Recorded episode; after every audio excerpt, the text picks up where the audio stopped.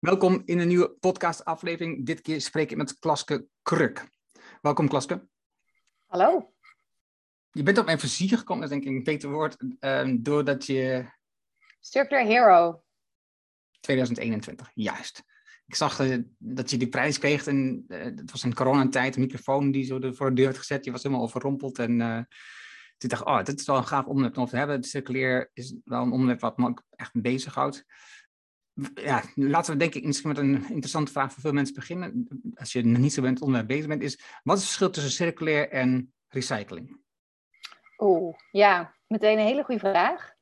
Uh, want heel vaak denken mensen eigenlijk dat circulaire economie recycling is. Uh, en in principe is uh, recycling eigenlijk maar een onderdeel van die circulaire economie. En eigenlijk ook maar pas je laatste optie als je al het andere hebt geprobeerd. Uh, dus het gaat in feite eigenlijk in eerste instantie over uh, wat gebruik ik en moet ik überhaupt wel uh, zoveel aanschaffen of gebruiken als dat ik denk dat ik doe. Hè? Dus dat is, kan je dat niet slimmer doen, kan je dat niet delen, kan je dat niet van iemand lenen. maar als je echt een nieuw product moet ontwikkelen, dan moet je gaan nadenken over waar haal ik mijn materialen vandaan, waar, wat is de impact van die materialen op het milieu. Uh, hoe kan ik een product zo ontwikkelen dat je het, als het stuk gaat, kunt repareren, hergebruiken, doorgeven aan iemand anders. En, uh, uh, ja, en als er dan echt afval ontstaat en niemand kan er meer wat mee, dan kun je eens gaan nadenken over recycling.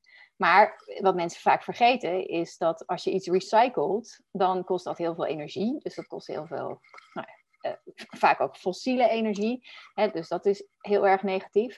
Maar wat ook een heel groot negatief punt is, is dat de kwaliteit van een materiaal heel erg achteruit gaat. En je het dus heel vaak helemaal niet meer kunt gebruiken op de manier dat je het zou willen. En we denken vaak als we iets recyclen dat je hè, van, van mijn koffiekopje dan weer een nieuwe kunt maken. Of van mijn spijkerbroek een nieuwe kunt maken. Maar dat is over het algemeen ongelooflijk ingewikkeld. Dus de kwaliteit gaat ontzettend achteruit. En je kunt het eigenlijk nog maar in een heel, wat we noemen, laagwaardig product gebruiken. En je moet nog steeds nieuwe materialen blijven winnen om mijn kopje of mijn spijkerbroek te maken. Dus, eh, en vervolgens wordt de, materiaal ook snel afgeschreven en verbranden we het alsnog. Dus het is, soms noemen we dat ook wel eens de uitgestelde gang naar de prullenbak. Uh, dus ik denk dat uh, dus recycling is een onderdeel van de circulaire economie. En in sommige gevallen heb je gewoon geen andere optie. Uh, als je het bijvoorbeeld hebt over slip dat uit onze riolering komt. Ja, daar kan je niet heel veel meer mee dan dat het nog goed te recyclen. En zo zijn er wel meer voorbeelden. Maar over het algemeen moet je dus veel meer, zoals we dat noemen, vooraan in die keten gaan zitten. Dus überhaupt bij het gebruik van de producten al gaan nadenken. Is het nodig? Op welke manier? Enzovoort. Ja. Recycling is natuurlijk ondertussen wel heel erg bij de burger, de consument um, ingeburgerd. Dat is, dat is, dat, we hebben allemaal de, de, oranje zakken of de oranje ton waarin we nu in de gemeente Doetinchem zitten. Hebben. Het is nu de oranje ton en de bedoeling is dat ik dacht dat uit mijn hoofd dat er nog 10% of zo in de grijze ton zou moeten beëindigen, uh, moeten belanden. En de rest moet in die oranje ton of in de groene ton wat nog komen, of een, een papierton. En, en de opmerking die ik toen had, dat toen de gemeente aan het promoten was, van ja, dat is allemaal heel erg mooi. Maar wat ik het gevoel heb, waar ik bang voor ben, is dus dat je hier juist meer afval mee stimuleert.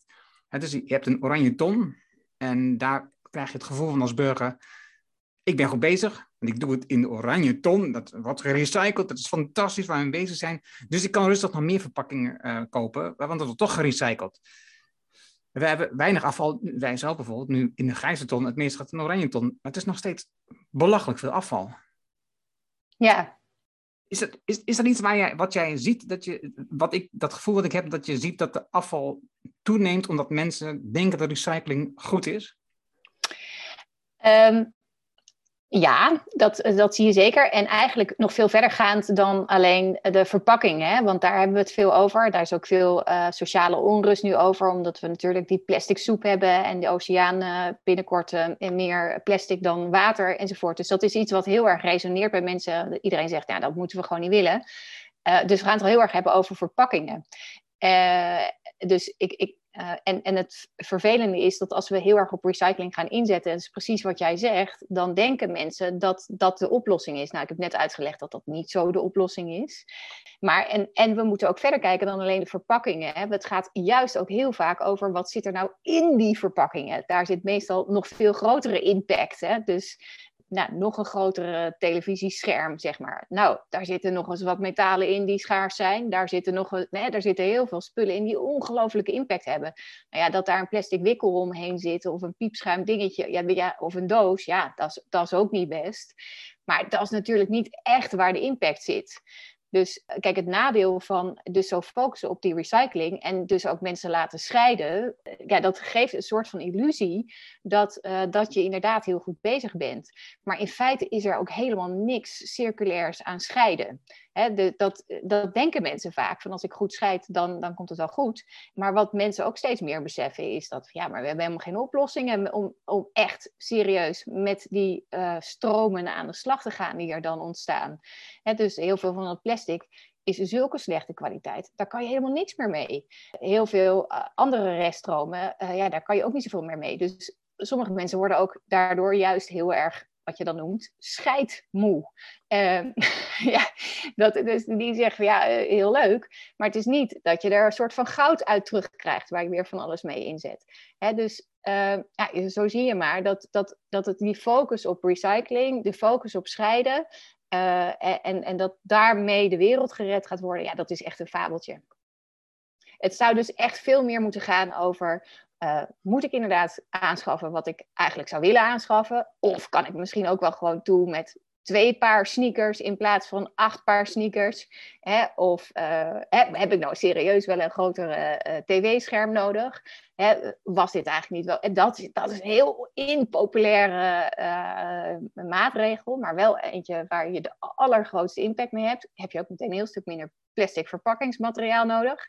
En daarna, als je het wel echt nodig hebt of denkt het nodig te hebben, kan je het dan niet lenen, uh, delen, uh, hergebruiken, tweedehands aanschaffen. daar zitten gewoon allerlei heel erg uh, belangrijke dingen om echt serieuze impact op te maken. En het goede nieuws is dat bijvoorbeeld tweedehands markt, dat die echt wel heel erg groeiende is. Je ziet het bijvoorbeeld in de kleding, uh, vintage, uh, maar ook uh, marktplaats. er zijn allerlei ja, mensen die zich bewust worden en het, het ook juist erg leuk gaan vinden, soms zelfs status aan ontlenen, dat ze dingen tweedehands of gerefurbished hebben. Of, dat, dat, en daar zit ook echt de daadwerkelijke impact. Daar moeten we eigenlijk naar kijken ik had een gesprek met Babette Poselijn, haar boek gelezen, Verborgen Impact. En daarin zegt ze ook, weet je, in het boek voor duidelijkheid, de, de, de, grootste negatieve impact hebben we gewoon door spullen aan te schaffen, de nieuwe spullen aan te schaffen. Dat is, en, en dat realiseren we ons allemaal in. Jij zegt eh, precies hetzelfde. En dat is tegelijkertijd, want we, praten hier, dat is goed voor ondernemers, hè, dus tegelijk, tegelijkertijd natuurlijk precies waar ondernemers bezig zijn. Hè. Dus ze zijn bezig met nieuwe spullen maken, zodat mensen dat gaan kopen, want dat geeft omzet. Het boek Less is More van Jason Hickel, um, er wel wat kanttekeningen op, maar dan nog dat je meer denkt over hoe kan ik min, met minder toe. Waarschijnlijk worden wij zelfs gelukkiger van. Dat is denk ik de kant waar we op moeten. Ik, ben, ik, dus ik sta helemaal aan je zijde eh, wat dat betreft. Dus, dus ik zie het ook zo. Ik heb de regel tweedehands boven nieuw bijvoorbeeld. Ik heb liever eenvoud dan gemak. Gemak is in mijn optiek nieuwe spullen kopen. De spullen laten thuis bezorgen. Uh, dus flitservice. Dat is allemaal gemak. En terwijl je kan gewoon met meer eenvoud haal je vaak net zoveel plezier uit. Soms meer omdat je natuurlijk zelf dingen doet. Bijvoorbeeld, ik, om een voorbeeld te geven. Ik ben nu bezig, ik wil graag een plaats dat ik al heel lang. Ik kan hem gewoon kopen, dat is het punt niet, die ik wil. Maar dat wil ik wil gewoon een tweedehands kopen. En dat is een zoektocht. Dat je de tweedehandse plaats kunt vinden die ik wil. En die ook nog beschikbaar is. Want dat is, is gewild, dus hij is sneller weg. Dus het is een hele zoektocht. Maar dat hele proces, dat geeft heel veel plezier natuurlijk. Dat je, dat je daarmee bezig bent. En dat je het zoekt en onderzoekt. En, dus ik denk dat dat ontdekken, hoe je dat plezier uit kan halen. Dat is denk ik waar je als consument wat in kunt vinden. Maar hoe ga je er nou als ondernemer mee om? Dat je nadenkt, ja, less is more. Dat is allemaal fantastisch als ondernemer zijnde. Maar dat betekent gewoon dat ik minder spullen kan maken en verkopen. Want, en dan gaat mijn omzet naar beneden. Wat, wat vertel je die ondernemers? Ja, dat is wel grappig. En daar zit natuurlijk echt wel een schuring. Hè? Dat, dat, daar schuurt het wel een beetje. En voor onze magazine De Verschilmakers hebben we ook een paar uh, marketeers uh, gevraagd. Van nou, hey jongens, en na, dat, na, na al het fantastisch wat jullie aan het doen zijn, hè, want dat zijn mensen die super, dat waren marketeers die echt super serieus met circulaire e-, economie in hun uh, dagelijkse werk aan de slag zijn. Zeiden ja, maar even een prikkelende vraag. Zou jij als marketeer niet het beste bezig zijn als je er uh, minder zou gaan verkopen? En het grappige was dat die marketeers die wij spraken, zeiden van ja, in feite is dat natuurlijk wel zo. Ja, dus, maar zo zit ons businessmodel voorlopig nog niet in elkaar. Maar er zitten dus, zaten ook al marketeers tussen die zeiden ja, maar dit is een van de redenen dat wij ook veel meer op services overstappen. Dus uh, niet zoveel mogelijk producten te ontwikkelen uh, die zo snel mogelijk eigenlijk uh, ja, outdated zijn of uit elkaar vallen, zodat je een nieuw product kunt aanbieden. Maar eigenlijk producten te maken die ongelooflijk goede kwaliteit hebben, waarmee je de klant veel meer een service biedt en waar ze ook betalen voor het gebruik. En als, als je daarheen gaat, en dat is natuurlijk eigenlijk ook wat een marketeer uh, van de toekomst ook veel meer gaat, zou moeten gaan doen. Alleen al omdat er heel veel grondstoffenschaarste ontstaat. En dat zie je dus nu al heel erg sterk gebruiken. Is dit eigenlijk een van de weinige manieren om ook je business in de lange termijn overeind te houden. Want anders worden je grondstoffen zo duur. Of, hè, en eh, zeker als er zo meteen eh, extra CO2-beprijzingen komen en uh, vast ook allerlei andere richtlijnen om nou ja, misschien wel minder primaire grondstoffen te gaan gebruiken, ja, dan, ga, dan gaan je kosten flink uit de pand stijgen als je niet nu al behoorlijk op die circulaire economie inzet ja, dus ook, eh, zeker ook voor bedrijfsleven zijn daar, zijn, daar, zijn daar hele grote stappen in te zetten. En je ziet tegenwoordig ook wel bedrijven die zeggen, ja, ik, ja hoezo maar eindeloos blijven groeien? Misschien, misschien is het wel oké zo. En dat zijn er niet miljoenen, hè? Dit, uh, de, daar, bedoel, ik, ik, dat, zijn er, dat zijn de eerste. Uh, maar je ziet het ook al bijvoorbeeld bij, bij bijvoorbeeld een Triodosbank. Die zegt, ja, als partijen bij ons komen die zeggen, kom maar even, mogen wij, mogen wij extra geld ophalen om te groeien? Dan zegt ze, ja, ho, ho, groeien? Hoezo groeien? Groeien om meer impact te halen? Oké, maar groeien op zich is geen doel.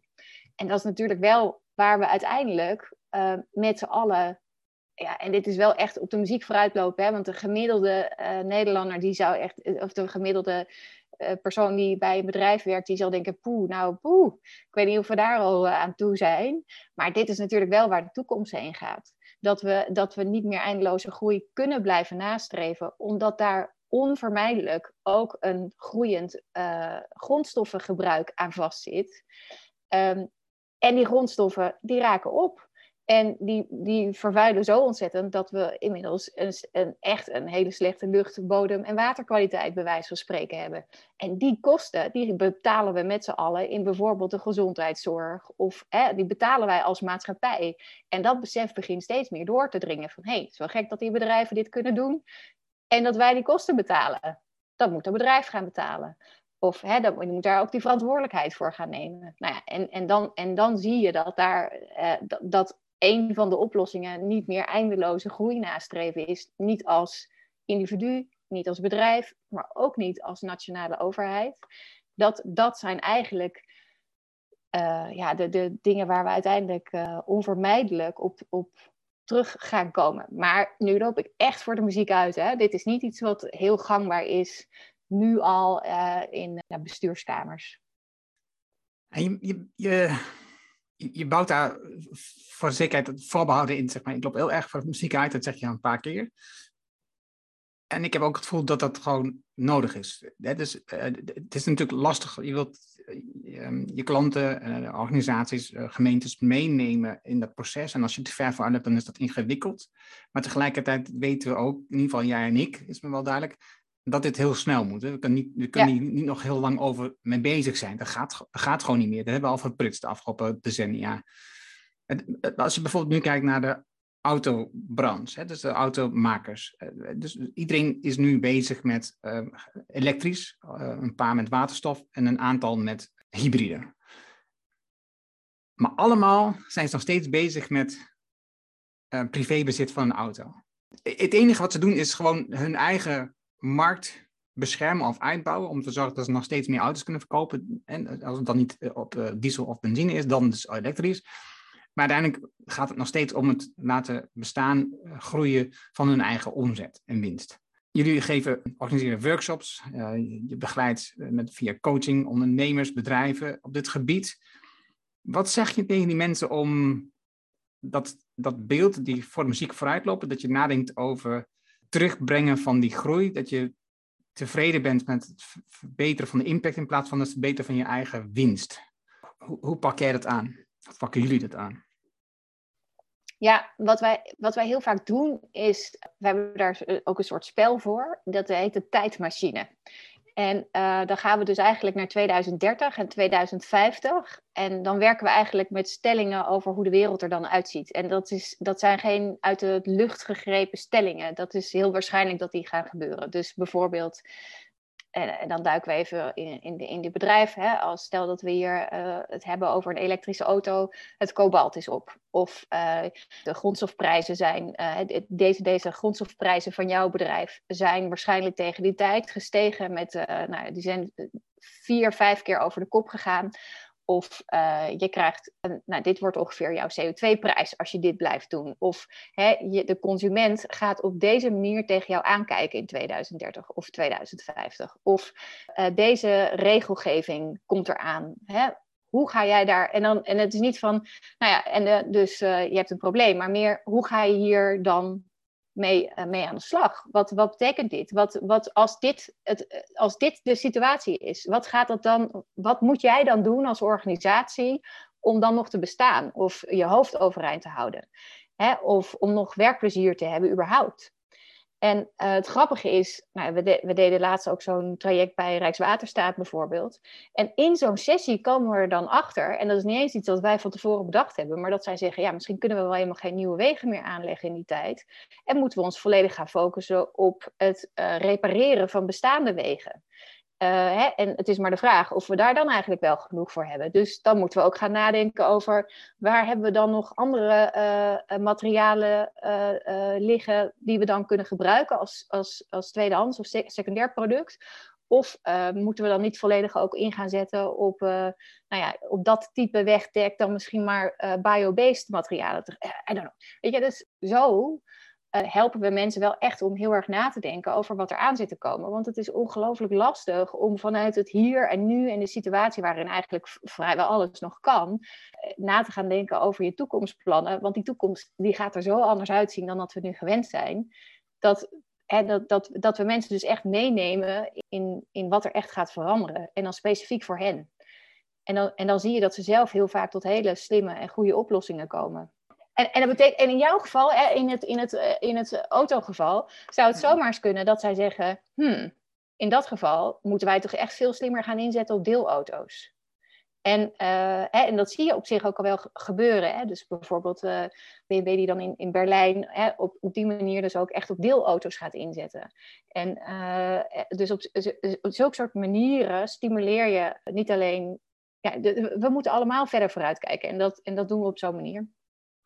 Dus, je gebruikt het scenario plannen, zeg maar. Dus je kijkt verschillende scenario's, kijk je naar om een beeld te vormen van, oké, dit dit, dit zijn mogelijke toekomsten en hoe ga je daarmee om? Uh, het boek van de levende organisatie, auteur kwijt, die bij Shell ook altijd de scenario planning heeft uitgelegd. Dat, ik vind dat een fantastisch verhaal, omdat je merkt als je nadenkt over scenario's die nog niet zo zijn, dan sta je ook meer voor open. Je krijgt andere ideeën, maar ook op het moment dat het werkelijk optreden, hè, dus als er straks bijvoorbeeld de grondstof begint te stijgen, dan herken je het ook. Omdat je die scenario's hebt doorgelopen, herken je het die scenario en kun je er veel eerder op ingrijpen en daardoor je, um, zeg maar op je concurrenten weer vooruitlopen. Omdat je zegt, nou, dat hebben we gezien, dan gaan we nu reageren. We hebben dit en dit bedacht, dat gaan we nu invoeren.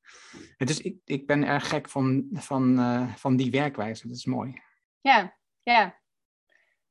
Ja, en, en er is echt, de, uh, ook bedrijven, hè, ik bedoel, ik, ik, wil echt in geen enkel uh, opzicht het perspectief wekken dat, dat bedrijven niet willen. Of hè, dat de mensen die daar, daar, daar, Mensen zijn over het algemeen, daar hebben we ook onderzoek naar gedaan. Zeker vandaag de dag echt wel bewust van het feit dat onze kinderen het minder goed gaan hebben. En dat de wereld niet beter wordt.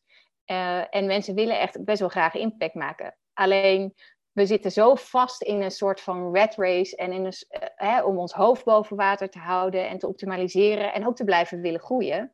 hè, dat, dat, dat, dat het lastig is om daar uit te stappen. Dus wat je vaak ziet is dat mensen wel willen, maar niet weten hoe. En dat is eigenlijk waar wij ons heel erg mee bezighouden.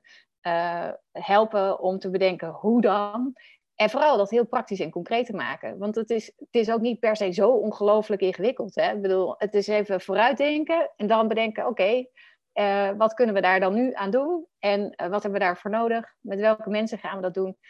Ik zeg heel vaak: circulaire economie is gewoon eigenlijk verandermanagement. Maar dan toevallig over circulaire economie.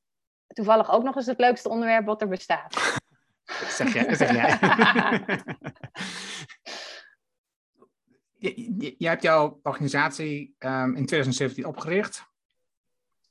En daarvoor heb je al met de Circle Economy gewerkt in 2015. Maar hoe kwam je, hoe kwam je tot die gedachte om met circulair aan de slag te gaan?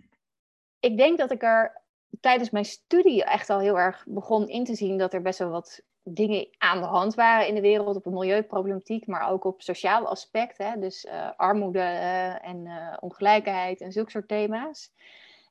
Ik had neuropsychologie gestudeerd. Ja, dat is dan niet helemaal de goede studie om dat op te lossen. En toen ben ik het bedrijfsleven. Is dat werkelijk zo? Als je toch kijkt, dat neuromarketing is nu toch wel een, een, ding aan het worden onderhand. Het, beïnvloeden van mensen wat ze kopen. Um, zou je kunnen zeggen, ik kan mensen met neurostimulerende dingetjes, reclames of experimenten, ook laten inzien dat ze minder moeten kopen. Nou, het grappige is dat ik uh, heel vaak dacht, nou ja, die studie die heb ik dus eigenlijk uh, leuk, was interessant en uitdagend en tof. Maar ehm, ik, het grappige is dat ik toch wel stiekem een beetje terug ben gegaan naar mijn roots. Hè? Dus dat het, dat, wat ik eigenlijk zeg, is dat die circulaire economie heel veel gaat over gedrag. En over gedragsbeïnvloeding ook. En, uh, en uh, dat, dat helemaal, hebben, heel vaak zijn we geneigd, en zo ben ik ook begonnen in die circulaire economie, om het heel technisch aan te pakken. En met analyses en innovatie. En uh, je ziet nog steeds dat dat de gangbare manier is om tegen circulaire economie aan te kijken. Terwijl als je echt kijkt, en dat legde ik natuurlijk helemaal aan het begin ook al uit, dan, dan zie je dat, dat het veel meer gaat over gedrag. Als je vooraan in die keten gaat nadenken over wat wil ik nou eigenlijk, op welke manier kan ik het gebruiken en hoe kan ik het enzovoort, gaat veel meer over gedrag. Is ook veel makkelijker aan te passen. Je hoeft geen Willy Wortel te zijn die, weet ik veel, uh, technische sterrenkunde, dat is, uh, dat is, natuurlijk geen studie, maar whatever, of gestudeerd hoeft te hebben, of nou ja, je hoeft geen Einstein te zijn om dat te kunnen. En, en jij maakt dan ook nog eens een keertje de grootste impact. Dus ik ben stiekem ook wel weer echt teruggegaan naar mijn studie.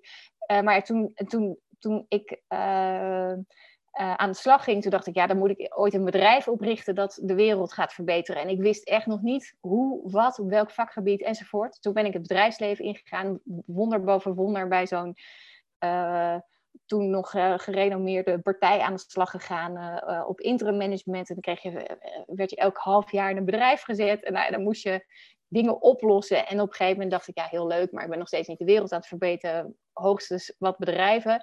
Um, en toen, uh, toen ben ik eigenlijk hardcore, en dat was voor iedereen toen heel gek, uh, links afgeslagen. En ben ik voor Urgenda, notabene, nou dat nog nooit iemand van gehoord toen, een stichting. Uh, terwijl ik toch opgeleid werd om nou ja, het helemaal te maken. En veel mensen onder me te hebben, een dikke auto onder mijn kont. En wat wil je nog meer? Ga je voor een stichting werken?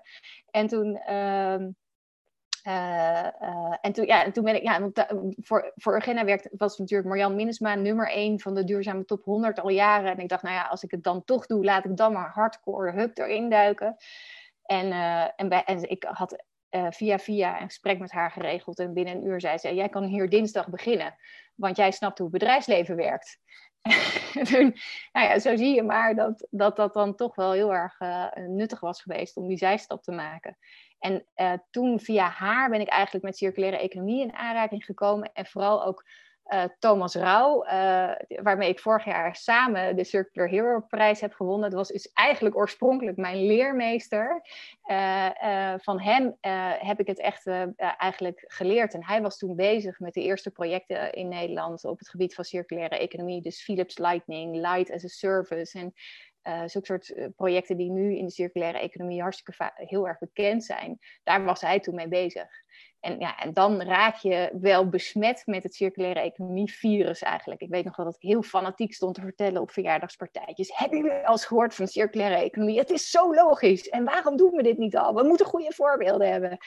En ik dacht toen nog, nou ja, wat goede voorbeelden en we komen er wel. Ja, en dat is natuurlijk wel op een gegeven moment uh, wel begrepen dat er wel heel veel meer voor nodig is. En, en we zijn natuurlijk helemaal niet waar ik dacht dat we al lang hadden kunnen zijn. Uh, en, en dat is natuurlijk wel, en, en dat is natuurlijk ook waar we met circularities heel erg gaan proberen te werken. Want ik denk namelijk dat we circulaire economie, net wat ik net al zei, eigenlijk veel te ingewikkeld en technisch maken. Terwijl het echt een kwestie van gezond verstand is. Vaak van gewoon andere vragen stellen, een ander afwegingskader in je hoofd hebben. En, uh, uh, en, en dan kom je eigenlijk al stiekem hartstikke ver. Hoe dacht je dat het nu zouden zijn? Ja, ik dacht, dit gaat als een lopend vuurtje. Hè? ik dacht, als, als, hè, als nog wat meer mensen op een verjaardagsfeestje zo enthousiast over staan te vertellen, dan moet het toch wel goed komen. Ja, ik, ik had eigenlijk gehoopt dat het echt wel in de kern van heel veel uh, bedrijven terecht zou gekomen zijn. En wat je nu ziet, is dat het heel vaak, als er iets gebeurt, dat het een leuk zijprojectje is, uh, wat niet in de kern van de organisatie terugkomt. Dus uh, hè, dat wordt vaak geleid door, een, door één iemand die er enthousiast van is, vaak ook nog eens een CSR-manager of iemand die het er een beetje bij doet. Terwijl wat je eigenlijk wil, is dat het in de kern terechtkomt. Dus dat, dat ontwerp en RD precies weet uh, wat ze moeten doen om het product circulair te innoveren. Uh, dat het management weet hoe ze erop sturen, dat ze daar serieuze doelstellingen op hebben. Dat ze dat ook uh, hè, meten en, en, en bijhouden hoe ze daar uh, uh, op afrekenen ook. Hè, we KPI's aan vastplakken. Maar dat inkopers ook weten uh, waar ze op moeten letten. En, en, en, met, met hun leveranciers afspraken maken over hoe ze sneller kunnen cir circulair kunnen innoveren. En dat marketeers het bespreekbaar maken met hun klanten. En ook zorgen dat er klanten zijn die serieus met hen daarmee aan de slag gaan. Uh, of uh, het product op die manier ook innoveren en, uh, en het uitdragen. Hè, dus om maar even wat te zeggen. Maar dan krijg je pas echt in de kern van een organisatie. En dan is het niet een soort nice to have, maar dan gaat het in je primaire processen zitten. Ik had gehoopt dat we daar zouden zijn. En eigenlijk massaal. En dat er nog een paar outliers zouden zijn die, dat, die denken van, huh, circulair, ja, oh, oh ja, nou, boot gemist. Ik denk wel dat we er gaan komen. Welke termijn heb je nu in je hoofd? Kijk, de, urgentie wordt steeds groter. Hè? Ik bedoel, uh, grondstoffenprijzen gaan gewoon echt heel erg door het dak heen. We zijn ons bewuster dan ooit dat we uh, nogal geografisch afhankelijk zijn van onze grondstoffen. Neem China, mm, zitten wat nadelen aan. Rusland, zitten wat nadelen aan. Dus, dus dat helpt heel erg. En we krijgen ook steeds meer te maken met een bewustere consument. Hè? Dus dat dat helpt wel erg. Ja, ik hoop, uh, ik hoop toch echt dat we uh, over tien jaar wel echt in dit, in dit scenario zitten. Maar dan moeten we nog wel echt flinke stappen gaan maken. En het jammer is dat het toch wel vaak nog een beetje gezien wordt als een soort van nice to have als je geld, tijd en middelen over hebt. Terwijl het omgekeerde eigenlijk waar is. We hebben nu nog geld, tijd en middelen. En als we lang wachten, dan hebben we dit geld, tijd en middelen niet meer. En circulaire economie is niet anders dan andere innovatie. Het kost wel tijd en het kost wel geld. Toen jij links afvloog naar die stichting, ja, je, je, had, eh, zeg maar, je had een carrièrepad voor je uitgezien. Eh, straks mensen onder me, auto van de zaak en met boerenkroon had je het waarschijnlijk ook wel eens een beetje, of zeg ik dat goed toch? Ja. Boerenkroon toch, ja. En ja, je komt bij allerlei organisaties, je bent adviseur, uh, consultant, uh, mooie titels allemaal. En dan ga je bij een stichting werken en dan ga ik vanuit dat je inkomen ook van een ander niveau wordt dan wat je op dat moment voor ogen had. Hoe heb je dat aan jezelf verkocht? Nou, dat inkomen viel wel mee. Want uh, uh, dat, ik zat in zo'n talentpool en dan moet je dus een heel groot gedeelte van je geld afstaan voor eigen trainingen en uh, intervisies en coaching en aan jezelf schuifwerkzaamheden. maar dus dat viel wel mee. Maar status was natuurlijk wel echt een heel ander verhaal. Ja, ik weet niet, ik, ik, ik had toen al heel sterk het idee dat ik anders was dan de rest. Dus dat zit er al wel, denk ik, wat meer, sowieso al wel wat meer in. En ik dacht ook, ja, ja status waar jullie nu voor gaan, dat is echt, dat, dat wordt zo outdated. Jullie gaan mij ooit, en dat dacht ik serieus, hè, dit heb ik nog nooit tegen iemand gezegd. Dus nou, niemand luistert naar deze podcast. Nee, precies, dat maakt niks uit. Nee. Uh, ik dacht echt, ik krijg echt op een gegeven moment, krijg ik andere, maar meer status dan jullie. En ik weet niet wat, precies wanneer, ik weet ook niet precies hoe het gaat gebeuren, maar dat denk ik toch. En er was echt maar één collega van mij die zei, die zei een soort van onder een biekertje zo, ik vind het toch eigenlijk best wel een beetje stoer van je. Ik vind het toch echt wel uh, dapper. Of uh, eigenlijk zouden meer de mensen dit moeten doen. En de rest dacht, wat een wappie. Maar goed. en, en het grappige is dat dat wel min of meer is uitgekomen. Want ja, ik heb dan niet uh, uh, ja, 300 man onder mij of zo. En zit ergens boven in een boom van een heel groot bedrijf. En heb een paar leaseauto's voor de deur staan. Dat niet. Maar ik, ik merk wel dat mensen wel echt heel veel waardering hebben voor wat ik doe. En, en dat het mezelf ongelooflijk gelukkig maakt dat ik bezig ben met dingen waarvan ik denk, nou, dit kan ik wel aan mijn kinderen uitleggen. Die ze, hè, mijn, mijn, kinderen die vertellen op school, uh, dat was echt hilarisch. Ik liep laatst naar huis en toen, uh, toen zei zo'n moeder een beetje zo tegen mij, wat doe jij eigenlijk? En dan zei ik, nou, ik uitleggen. En zij zei, ja, ja, ja, ja, oké, want mijn dochter kwam laatst naar huis om te vragen wat ik eigenlijk deed om de wereld te verbeteren. En ik zei, oh, ja, ja, want die had met jouw dochter gesproken, vijf jaar, hè? En uh, die had gezegd, mijn moeder is een wereldverbeteraar. Wat doet jouw moeder eigenlijk? En...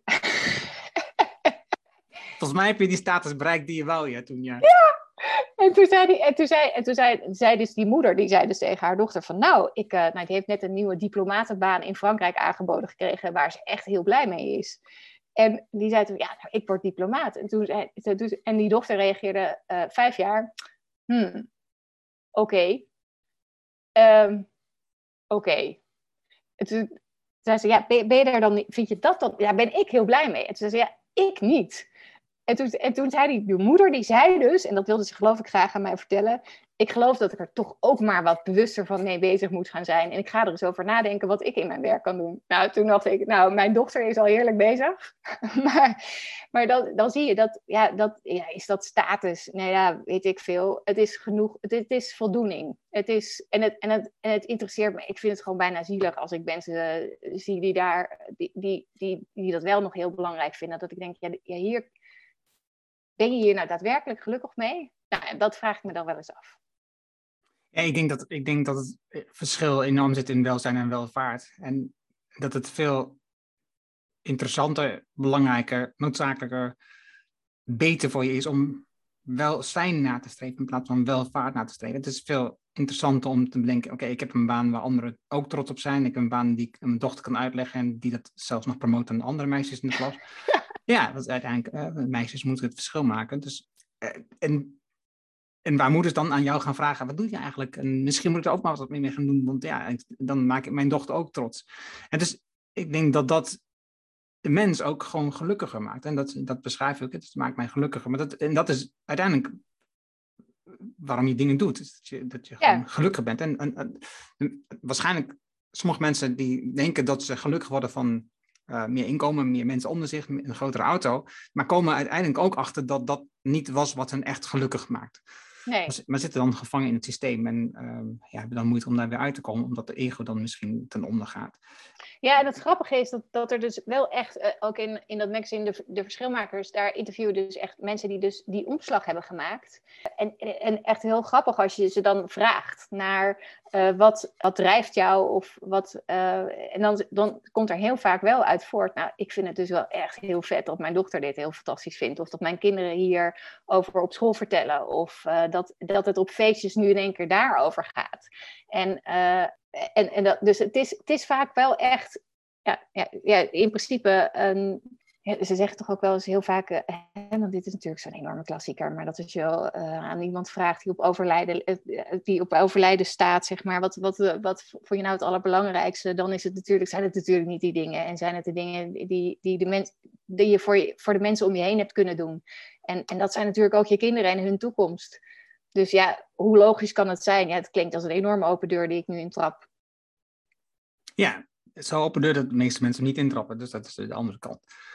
Het is, dus ik, ik, ik, ben, ik ben daar 100% mee. Je hebt um, dit opgericht, um, Circularities, maar wat, is, wat was je doel om dat op te zetten? Want je kan natuurlijk ook gewoon um, vanuit een boer in Kroon bijvoorbeeld, zeg maar, op de circulaire tak gaan zitten en het van daaruit bij heel verschillende organisaties implementeren en je mede consultants meenemen en dat Waarom wil je dat per se doen vanuit een eigen organisatie in bepaald moment? Ik denk omdat wij als echt doel hebben om Nederland circulair te krijgen. En minder om daar per se een. Natuurlijk moeten wij onszelf uh, overeind houden, financieel gezien, maar minder als een businessmodel om een trucje meerdere keren bij bedrijven toe te passen. Sterker nog, als wij merken dat het een trucje wordt, denken we: oké, nu moeten we dus zorgen dat we dit massaal gaan uitrollen onder alle partijen waar we mee werken. Dus dan zetten we eigenlijk weer nieuwe programma's op. Waarbij bijvoorbeeld, we werken nu bijvoorbeeld samen met uh, brancheorganisaties voor uh, alle inkopers of alle ontwerpers of alle marketeers in Nederland, zeg maar. Omdat we dan denken van ja, de lessen die we nu geleerd hebben, die moeten we eigenlijk zorgen dat, dat die achterban gewoon heel snel gaat toepassen. Dus uh, kunnen we niet micro-learnings opzetten die we kunnen verspreiden onder hun achterban in events, uh, op social media enzovoort, zodat, zodat we dit heel snel verder kunnen brengen en we dus weer een vervolgende stap kunnen maken. En als, ja, we willen niet een trucje doen, we willen eigenlijk de hele tijd ontdekken wat Nederland verder nodig heeft en dat dan zo gauw mogelijk, zo snel mogelijk verder brengen. Ja, daarmee geven we dus ook vaak gratis kennis weg. Dus ik denk dat wij in die zin best wel een. Um, ja, wat zeg, ja, als ik zeg activistisch, dan krijgen mensen er een soort van een soort kippenvel van. Of een soort van. Maar of het is gewoon ja, actief of een. Ja, we, zijn, we hebben gewoon echt een, een doel, een missie. Dat hebben we. Daar doen we het voor. Wat is volgens jou een partij, een organisatie, een klant, een ondernemer, een overheid, maakt niet uit wat, hè? Waarmee je heel graag zou willen samenwerken, waarmee je een enorme impact zou hebben? Wat heel fantastisch zou zijn, is als er op nationaal niveau, hè, op het rijksoverheidsniveau, bijna een soort van massaal eh, geld vrijkomt om mensen na te scholen. Want waar wij in geloven, is dat de grootste verandering gaat komen van de mensen die een gewone baan hebben. Want dat hebben, dat, dat, bedoel, we focussen ons heel vaak op start-ups of mensen die op school zitten en die vanaf het begin af aan dingen uh, slim kunnen doen op het gebied van duurzaamheid of circulair. Maar het overgrote gedeelte uh, van, van de mensen die ook aan de knoppen kunnen draaien om Nederland echt heel snel circulair te krijgen, zit nu op zo'n plek en moet nu op een andere manier gaan nadenken en kan nu uh, zorgen dat zijn eigen bedrijf, zijn eigen toekomst, zijn eigen baan, maar ook Nederland zeg maar circulair gaat worden. En dat betekent dus dat we eigenlijk een mega opleidingsvraagstuk hebben want dat is de enige manier om Nederland circulair te krijgen. Het is niet één iemand zoals in de energietransitie die een windmolen of een zonnepark kan aanleggen. Nee, als je echt een organisatie circulair wil hebben, dan moet je echt een heel groot gedeelte van alle mensen moeten andere dingen gaan doen, moeten andere vragen gaan stellen, moeten andere afwegingen gaan maken. En dat betekent dat als je dat voor elkaar gaat krijgen, dan gaan we ongelooflijk snel. Uh, dus het liefste zou ik willen dat, dat, er geld beschikbaar komt om dit voor elkaar te krijgen. Om, we weten al lang wat die mensen anders moeten gaan doen. Maar we moeten, moeten wel mensen hebben die zeggen van oké, okay, dit moet dan op een hele slimme, makkelijke manier beschikbaar zijn voor mensen in een soort van micro-learnings op een andere manier na te gaan denken over, zijn eigen, over iemand zijn eigen vakgebied. Dat zou ik echt heel erg belangrijk vinden. Wat, wat, wat zijn micro-learnings? Ja, microlearning, ja, dat is eigenlijk een, dat is een beetje uh, de nieuwe manier van leren. Hè? Dus mensen gaan niet zo snel meer trainingen volgen of uh, twee dagen lang ergens, uh, weet ik wat. Dat, dat, je ziet dat, dat dat percentage keldert. Mensen doen veel meer kennis op door, weet ik veel, snel een filmpje of een blogje of een... Podcast. ja, wel mini-podcast dan meestal, maar... Uh, ja, zulke soort dingen. Doen mensen even kennis op of even online googelen of even... Uh, nou ja, zo, dat zijn de manieren waarop mensen tegenwoordig kennis doen. Je ziet dus ook de, de verschilmakers die wij uh, helpen, zeg maar, die, en die echt succesvol zijn, die hebben ook op die manier gewoon kennis opgedaan. Die hebben niet een enorme cursus vaak gevolgd. dus, ja, dus je wil eigenlijk dat mensen op een hele eenvoudige, makkelijke manier in aanraking komen met hoe het ook anders kan en hoe ze daadwerkelijk hun eigen werk zinvol kunnen maken. Want dat is waar wij in geloven, dat eigenlijk iedereen een baan heeft die impact kan uh, maken. Iedereen kan bijna impact maken. Iedereen, bijna, iedereen heeft een baan waar hij heel zinvol in zou kunnen zijn, als hij maar zou weten wat.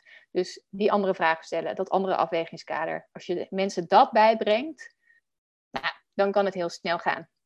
En jij ziet dan als een belangrijke oplossing dat de overheid financiële middelen zou moeten hebben om dit te organiseren? De overheid of uh, andere partijen. de, de, overheid gaat niet zo snel op dit, op dit en op vele andere terreinen.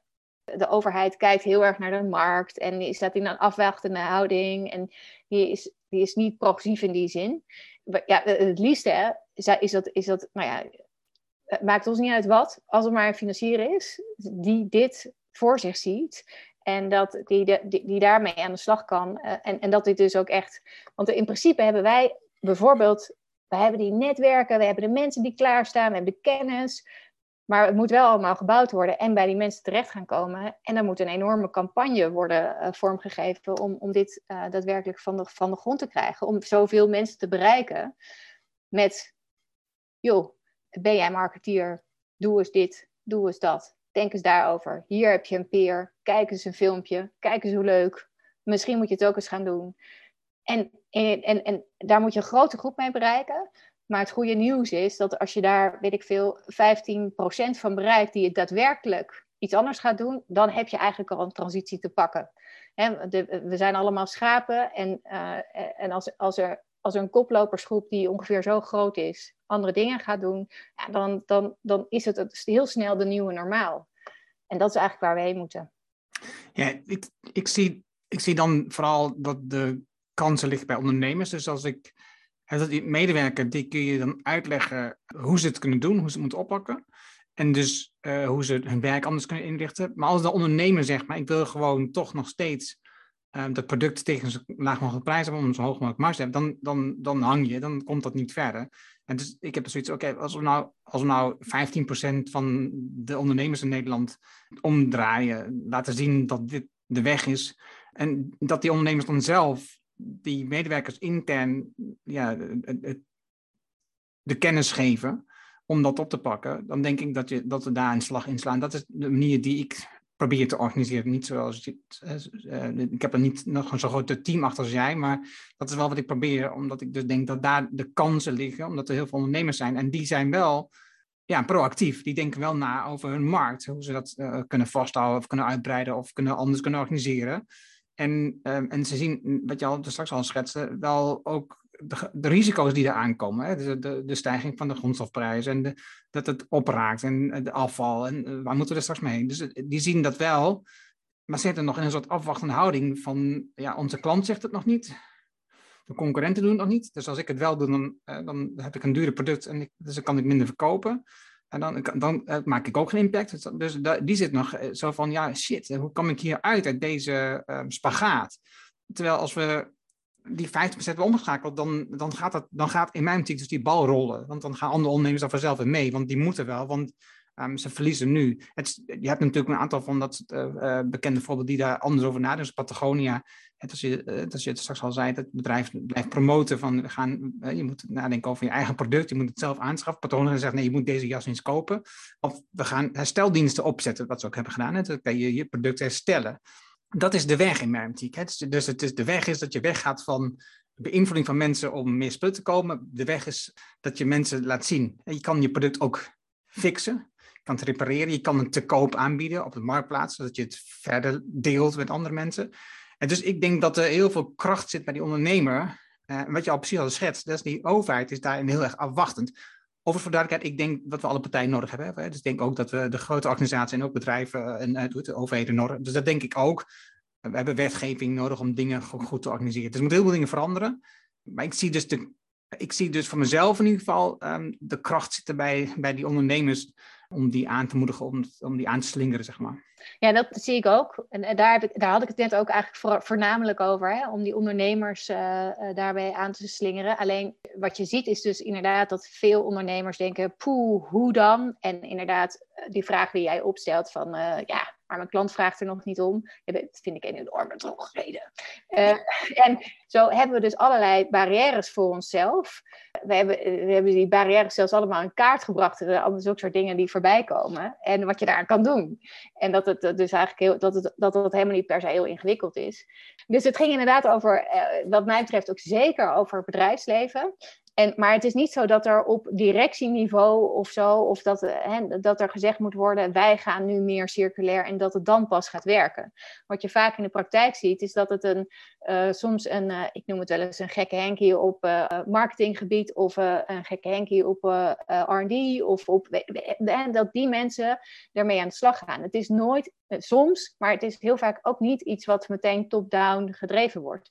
En wat je ziet aan die aanpak die ik net omschreef, is dat je van binnenuit een organisatie eigenlijk krachten mobiliseert, waardoor het ook op managementniveau een, een onderwerp kan spelen. En we zien dus ook partijen die wij helpen, ja, dat zijn heel vaak helemaal niet het managementteam dat bij ons aanklopt, soms wel, maar heel vaak juist eigenlijk iemand die er persoonlijk door geraakt is en dan zegt, ik wil het wel trekken, maar ik heb eigenlijk gewoon geen idee waarom. En dan kom je met die hele of, hoe, en dan kom je met een hele stapel aan barrières waarvan jij er net een paar noemde. Wat kunnen we hier dan mee doen? Daar ga je dan mee aan de slag. En, en zo zie je dat het is niet een procesmatige aanpak. Het is dus een chaotische aanpak van mensen die snappen dat het anders moet.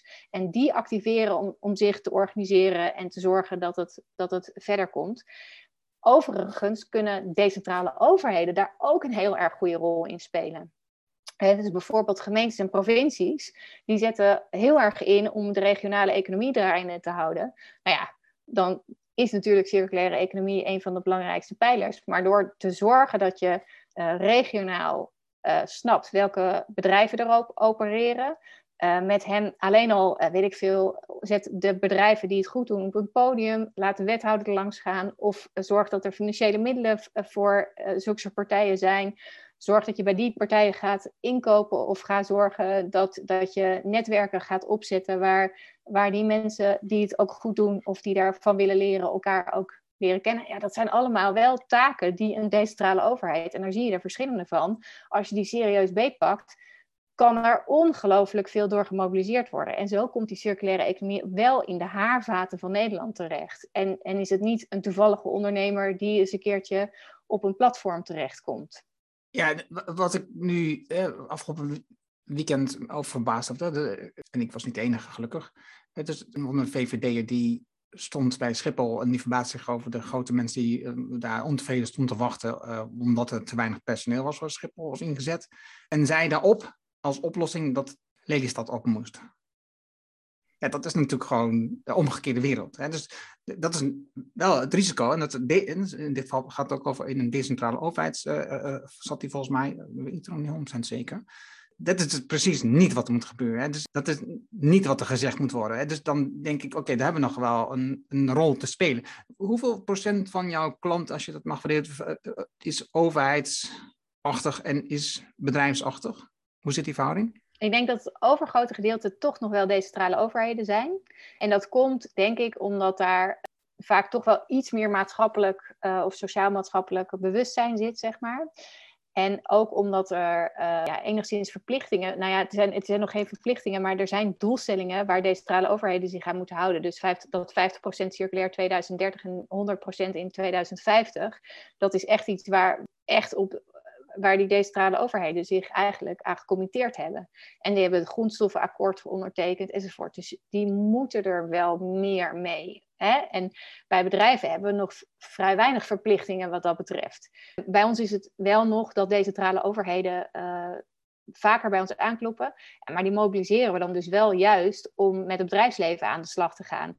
En dat, dat kan op die manieren dat ik net zei. Dus uh, zet campagnes op en challenges en uh, wedstrijden en zet netwerken op. En uh, zorg dat je lokaal ook mensen opleidt. Of dat je partijen invliegt die die partijen ook kunnen opleiden. Of hè, zo kan dat allemaal.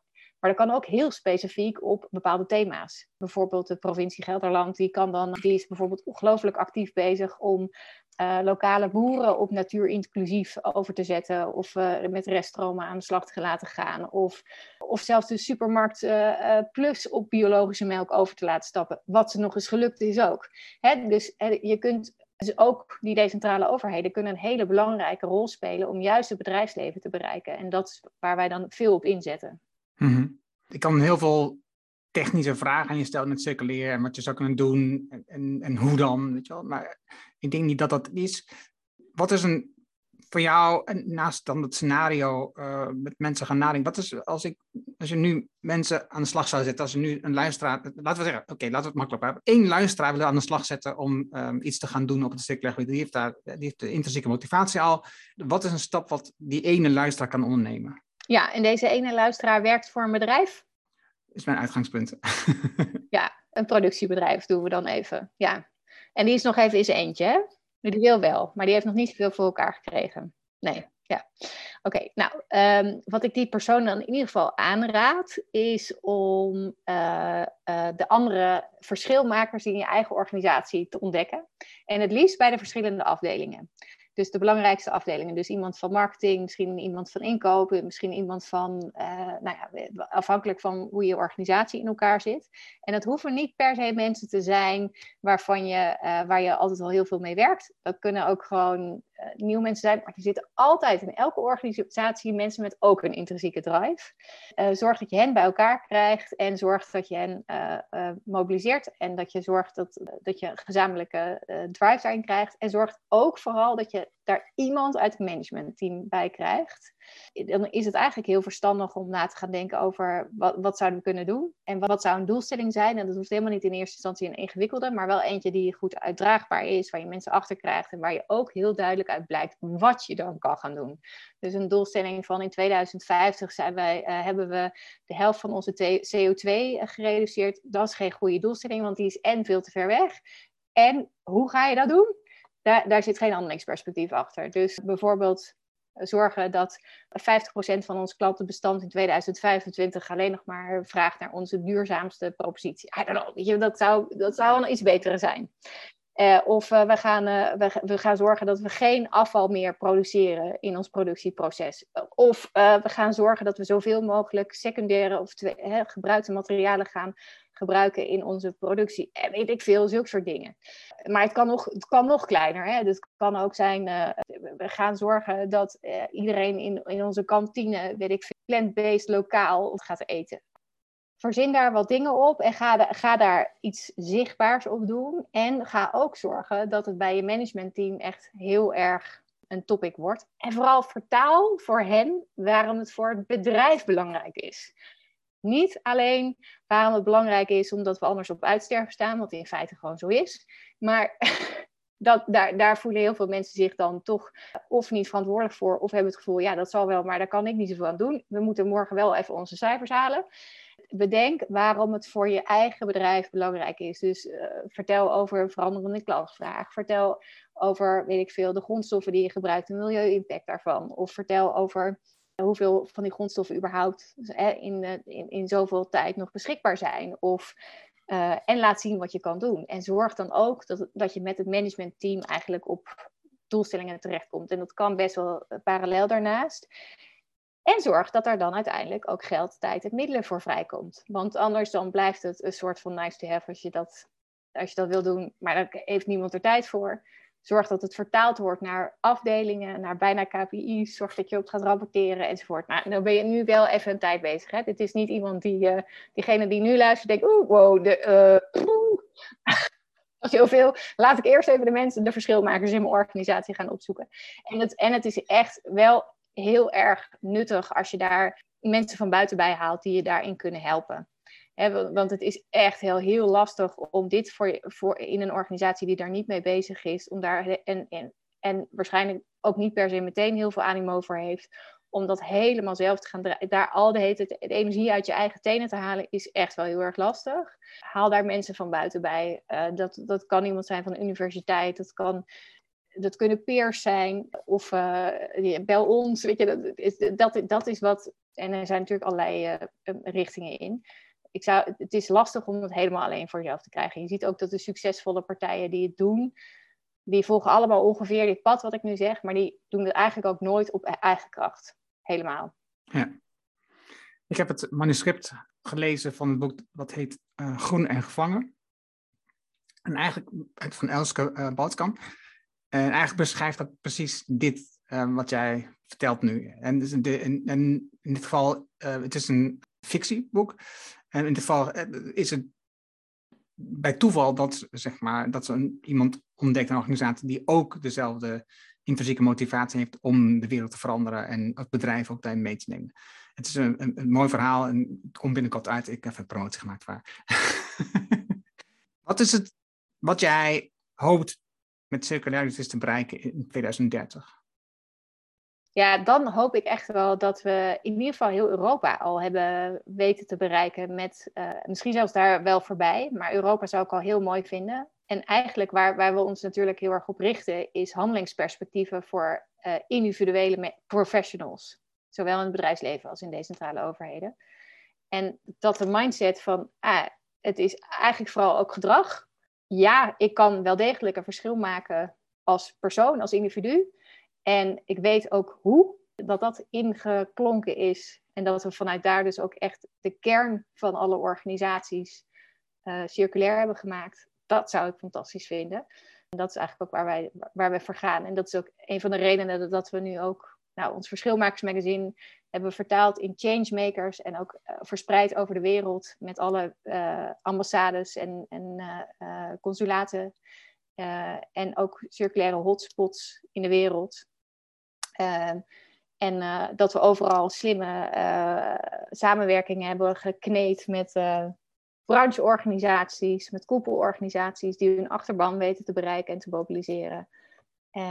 en ja, dat we zo enorme netwerken bouwen van, van kennis die eigenlijk iedereen tussen zijn oren moet gaan krijgen. Je hebt nu een team van zeven mensen, als ik op de website heb gezien. Ja. Eh, hoe heb je dat georganiseerd? Hoe is dat juridisch georganiseerd? Heb je gewoon een BV of hoe heb je dat gedaan? Nee, dat zijn, uh, we zijn eigenlijk gewoon een groep uh, van associates. Dus in principe houdt iedereen zijn eigen broek op. maar werken we gewoon ja, eigenlijk allemaal op projectbasis. En dat is nu in deze situatie nog fijn, omdat het toch uh, wel heel vaak als, nou ja, wat ik net al zei, toch wel nog als er geldtijd en middelen over zijn, dan, dan wordt er aan circulaire economie gewerkt. Dus het kan er, uh, we kunnen elke, elke maand denken we, oh, we kunnen het werk volgende maand niet meer aan. En dan wordt er toch heel vaak weer even iets uitgesteld. Uh, omdat er een reorganisatie of een systeemimplementatie of iemand uitvalt of wat dan ook. En dan dat is nu nog wel fijn, hoewel we nu eigenlijk wel uh, dit jaar aan het toewerken zijn naar een vastere organisatie waar mensen wel echt uh, op de loonlijst komen te staan en, en, enzovoort. Omdat dat, nou ja, het scheelt in ieder geval de kosten en zo kunnen we ook wel weer zelf als organisatie groeien. Dus dat is waar we. Wat voor vorm zie je dan voor je? Nou, als je daar nog advies over hebt, maar... ja, dat heb ik al. nou, dat gaat, daar gaat de volgende podcast rekenen ja, over. En we hebben nu verschillende opties die we nu aan het uitwerken zijn, waar we over nadenken. 2030, dat beeld dat je net schetste, heb je dan voor jezelf ook, hoeveel mensen heb je daar denk ik voor nodig? Heb je, heb je daar denk je voor nodig? Nou, ik hoop zelf eigenlijk dat wij, uh, ik, ik wil eigenlijk niet een enorm grote organisatie zijn. Ik vind uh, 25 mensen eigenlijk de optimale vorm om nog uh, heel goed te begrijpen wie wie, wie wie is en wat wie doet, zeg maar. En anders krijg je hele managementstructuren. Maar ik hoop dat we, en ik, hoop eigenlijk ook steeds dat we zo innovatief bezig blijven, dat we ook steeds nieuwe dingen aan het doen zijn, die we dan weer met allerlei partners in, in het land en in andere landen uh, uitrollen. En dat is eigenlijk het model wat we nu volgen. Um, dus dat, dat we eigenlijk vooral veel slimme partnerorganisaties hebben waarmee we dat doen. En dat we als organisatie zelf, is in ieder geval nu mijn beeld, dat we niet uh, megalomaan groot zijn, maar dat ons netwerk en de partners waar we mee werken wel megalomaan groot zullen zijn. Ja. Ja, nou, ik denk ook dat dat een goede organisatiestructuur is. Voor, het is een beetje de gedachtegang van uh, maak het lokaal. Weet je wel? Het is, hè, dus ja. hou het lokaal, want daar zit ook de kennis en de expertise. Uh, niet alleen dat, dat betekent ook dat je minder hoeft, mensen hoeft heen en weer te verschuiven, wat dan niet. Dus dat, scheelt gewoon enorm. Klas, ik kan um, nog heel veel vragen aan je stellen. Ik kan nog lang met je praten, heb ik gemerkt, omdat ik veel uh, overeenkomsten zie, en ik, maar ook nog veel dingen denk, oh ja, dat is interessant, vertel meer over. Maar ja, heb ook ergens een grens aan tijd. Mensen die willen luisteren naar zulke lange gesprekken. Dus uh, voor nu, dankjewel. Hopelijk kan ik je nog een keer terugvragen om, als je wat verder bent, om daar weet over te vertellen of om wat diepte in te gaan over het stuk stuk. Dat is ook allemaal wat aan te luisteren, dat zou ik erg leuk vinden. Maar voor nu, dankjewel. Uh, ik vond het echt een genot om van je te leren. En ja, ik denk dat de opening al erg interessant was, waarin je het verschil schetste tussen het circuleren en het recycle-gedachte, maar dan vooral het circuleren niet alleen maar vanuit het, want dat is namelijk wel hoe ik er tegenaan kijk in instantie, dat is het verschil dat jij mij hebt gemaakt, zeg maar, is dat je je product circulair maakt. Weet je? Dat, dat, dat zit veel meer achter. Dat je het circulair denken, dat je denkt in tweedehands en vernieuwen en repareren en al dat soort dingen. Dat is ook, dat is ook een circulaire gedachte. Dus dat vind ik heel erg mooi. Dank je wel daarvoor. Ja, nou, ik vond het ontzettend leuk. En uh, jij natuurlijk ook nog een keer terug om nog verder de diepte in te gaan. Dat vind ik alleen maar leuk. En heel leuk dat je me uitnodigde.